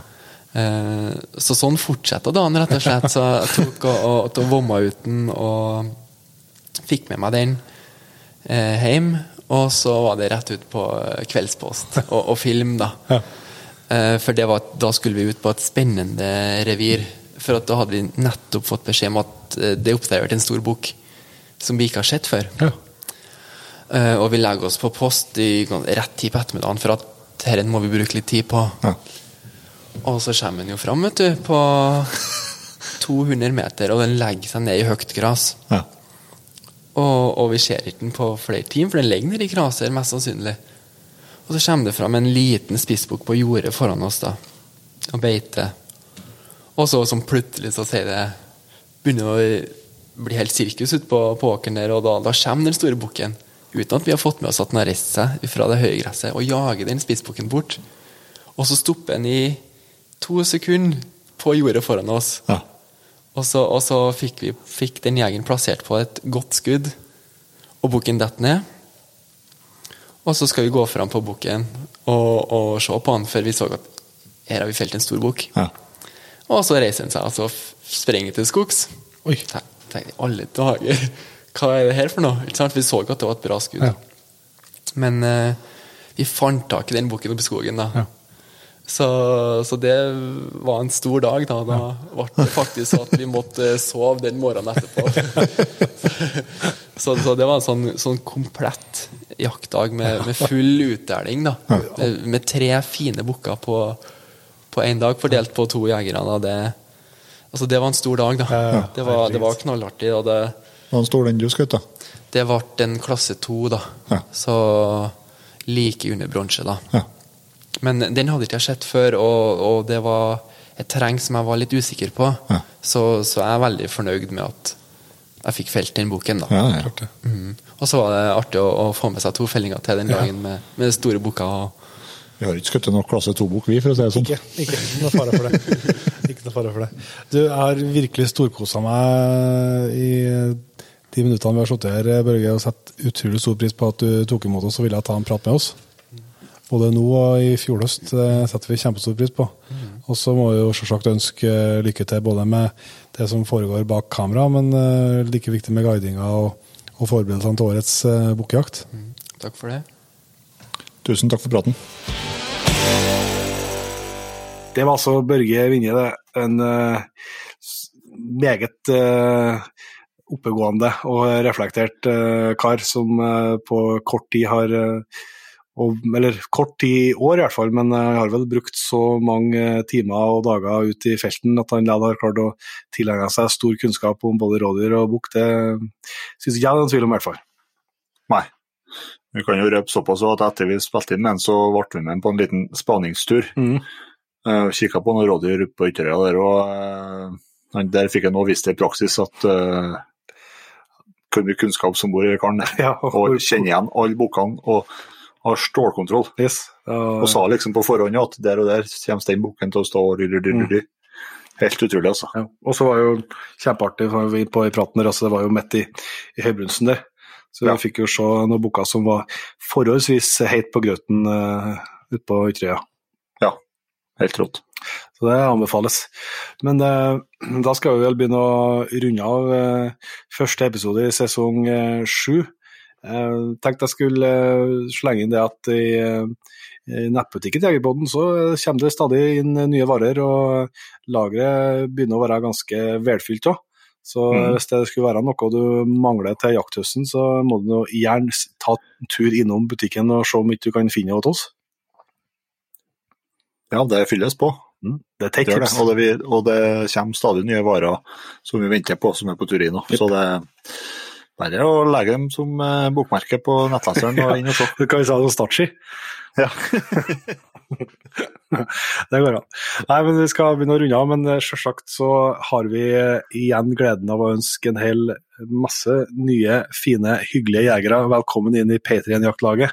Eh, Og vi starter på toppen der og sier tusen hjertelig takk til Kristian Røsegg, Geir Elegil Aasbakk, Jone Tveitan, Tina Hansen, Åsmund Andersen, Håkon Krokstadmo, Sølve Moen, Erik Tveiti, Terje Myhre, Frode Myrland, Øyvind Akre, Mark Stian Stokkenes, eh, Even Kildeberg, Eirik Bjørnbakk, Inge, Inge Røsholt, Magnus Reiner Skaug, Gunnar Libyan. Libjan, Lars Christian Løritzen.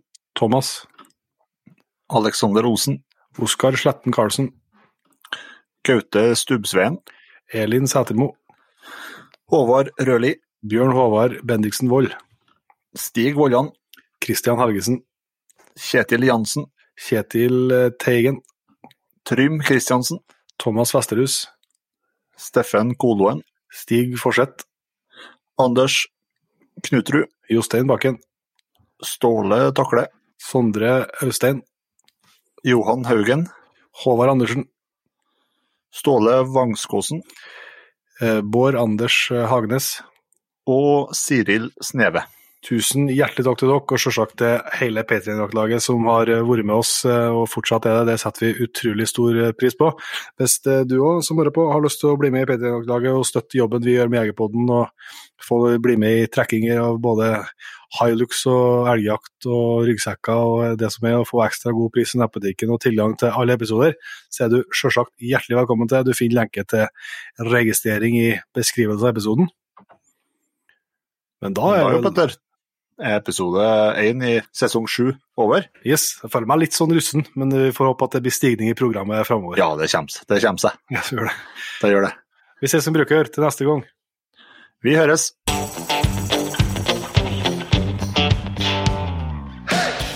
Tusen hjertelig takk for at du valgte å bruke litt av tida di på Jegerpodden. Sjekk ut jegerpodden.no eller din favoritt-podkastspiller for enda mer innhold og flere episoder. Følg òg Jegerpodden på Facebook og Instagram, og ikke minst, husk å fortelle alle gode venner, familie og tilfeldige forbipasserende om Jegerpodden, sånn at vi får spredd det glade budskap videre. Vi høres.